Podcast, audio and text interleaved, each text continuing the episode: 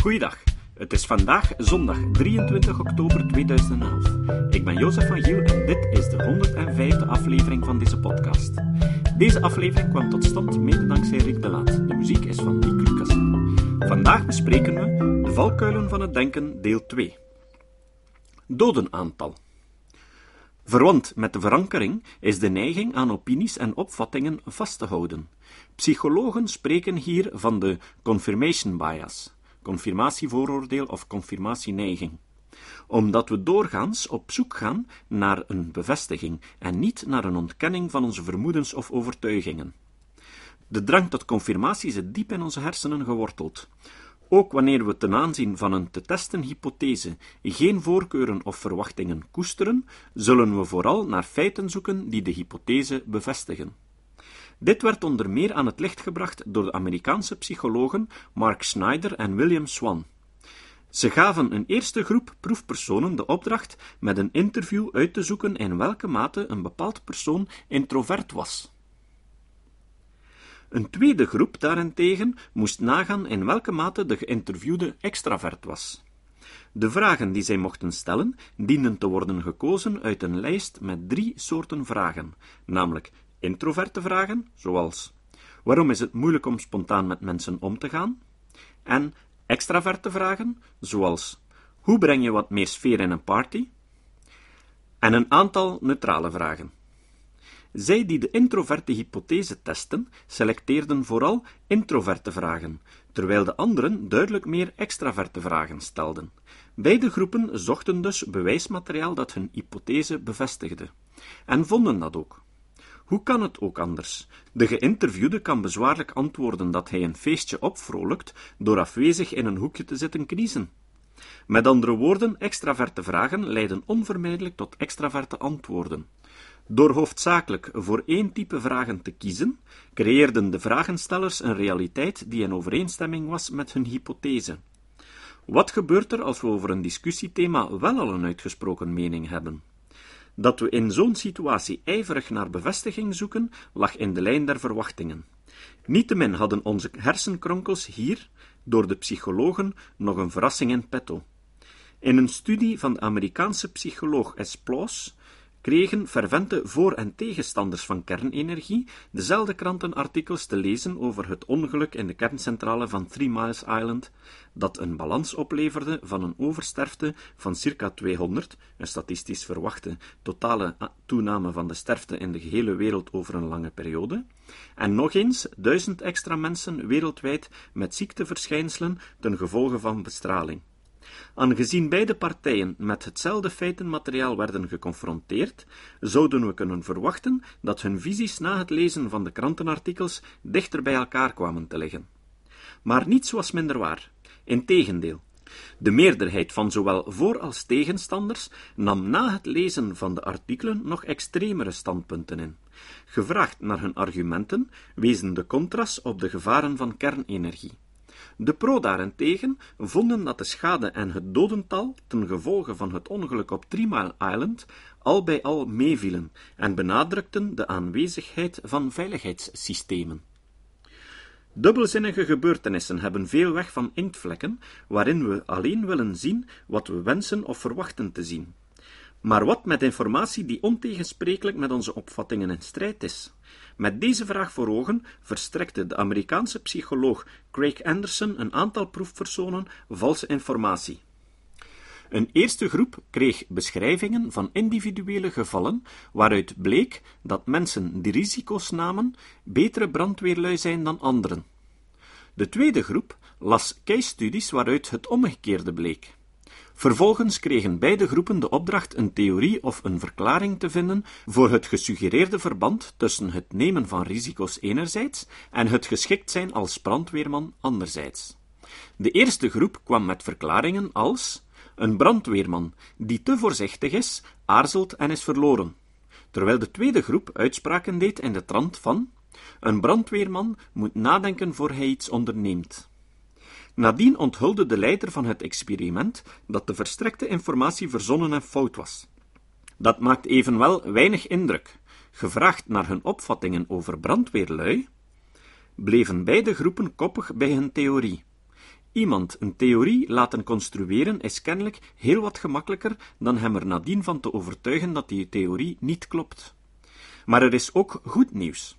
Als je, zo blijkt uit onderzoek, mensen ertoe aanspoort een alternatieve theorie te evalueren, klampen ze zich minder weerbarstig aan hun oorspronkelijke visie vast. Attributiefout.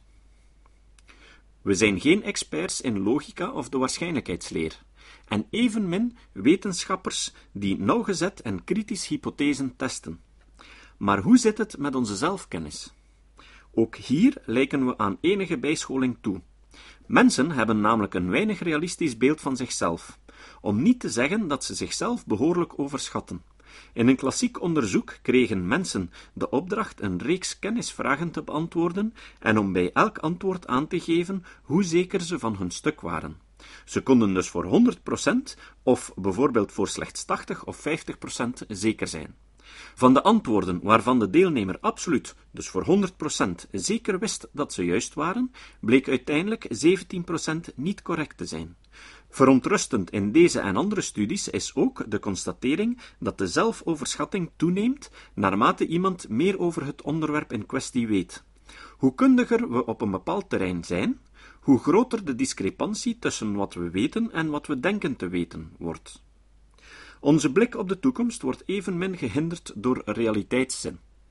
Studies rapporteren dat studenten hun kansen op succes in een job, een hoog salaris, een geslaagd huwelijk, het hebben van begaafde kinderen enzovoort sterk overschatten. De kansen op alcoholverslaving, ziekten en depressies daarentegen worden miniem geacht. Welke dimensie ook ter sprake komt, gezondheid, geluk, succes, materiële welvaart, de mensen lijken er niet aan te twijfelen dat ze een rooskleuriger toekomst tegemoet treden dan de gemiddelde medemens. Een onderzoeker kan uiteraard moeilijk nagaan in hoeverre de verwachtingen van één bepaald persoon onrealistisch zijn. Maar het is statistisch bekeken enigszins verdacht wanneer de meerderheid erop vertrouwt tot de happy few te zullen horen. Psychologen hebben uit een en ander ook geconcludeerd dat zelfoverschatting en onrealistisch optimisme niet alleen normaal, maar voor het psychisch evenwicht ook noodzakelijk zijn. Een conclusie die overigens aansluit bij de observatie dat depressieve mensen doorgaans een realistischer zelfbeeld hebben dan diegenen die gezwind door het leven gaan. Ook wanneer we anderen beoordelen, kunnen we de bal behoorlijk misslaan. Een veel voorkomende vergissing is wat in vaktermen de fundamentele attributiefout wordt genoemd. Deze bestaat erin dat we de oorzaken van andermans gedrag aan de persoon zelf toeschrijven en niet of onvoldoende aan de situatie. Met andere woorden, we stellen mensen verantwoordelijk voor hun daden en onderschatten de invloed van de omgeving op die daden. Wanneer we ons eigen gedrag beoordelen, doet zich veeleer het omgekeerde voor. Dan hebben we meer oog voor de situatie en minimaliseren we onze eigen inbreng of verantwoordelijkheid. Ofschoon ook hier onze behoefte aan een positief zelfbeeld een rol speelt, positief of verdienstelijk gedrag schrijven we graag toe aan onze talenten, terwijl we bedenkelijke prestaties doorgaans aan de omstandigheden wijten. Hoezeer de attributiefout onze kijk op de medemens kan vertroebelen, bleek onder meer toen de Amerikaanse psycholoog Lee Ross en zijn collega's onder studenten een quiz organiseerden. Een eerste groep moest tien moeilijke, maar niet onmogelijke vragen stellen. De tweede groep moest die vragen beantwoorden, waarop de eerste groep zei of het antwoord juist of fout was. Een derde groep bestond uit waarnemers die nadien de parate kennis van de beide groepen dienden te evalueren. Zoals verwacht ontaarde de quiz al gauw in een demonstratie van de eigen kennis en kunde. De vragenstellers kozen onderwerpen uit het eigen interessegebied en kwamen voor de dag met naar het einde toe alsmaar esoterischer vragen, zoals: Wat is de naam van de langste ijstijd? Of wie was de eerste gouverneur van Idaho? Weinig verwonderlijk dat diegenen die het vuur aan de schenen werd gelegd, gemiddeld maar vier van de tien vragen juist konden beantwoorden. Des te opmerkelijker was dan ook hoe de waarnemers de algemene kennis van beide partijen inschatten. Ze bedachten de vragenstellers met een puntenscore van 8 op 10 en vonden dat de beantwoorders niet meer dan 5 op 10 verdienden. Wat uiteraard absurd is. Bij dit soort spel kan de vragensteller ongehinderd pronken met zijn kennis en slaat diegene die antwoordt onvermijdelijk een modderfiguur. De waarnemers hielden evenwel geen rekening met deze unfaire situatie en schreven de prestaties toe aan de kennis van beide partijen. Dat we bij het beoordelen van anderen minder aandacht besteden aan situationele factoren dan bij het beoordelen van onszelf, heeft onder meer te maken met het gezichtspunt. We observeren namelijk, als we iets ondernemen, niet onszelf, maar besteden vooral aandacht aan de omgeving. Wanneer we daarentegen anderen gadeslaan, focuseren we op de persoon. De impact van het gezichtspunt op de beoordeling kwam onder meer aan het licht in een overigens ook in juridisch opzicht opzienbarend experiment van de Amerikaanse psycholoog Daniel Lasseter en Audrey Irvine. Lasseter en Irvine onderzochten hoe het oordeel van een jury door videoopnames van een ondervraging wordt beïnvloed, wat geen louter theoretische aangelegenheid was. Advocaten van verdachten protesteerden tegen het afdwingen van bekentenissen en eisten controle van het verhoor, zodat in de praktijk ondervragingen vaak op videoband werden vastgelegd.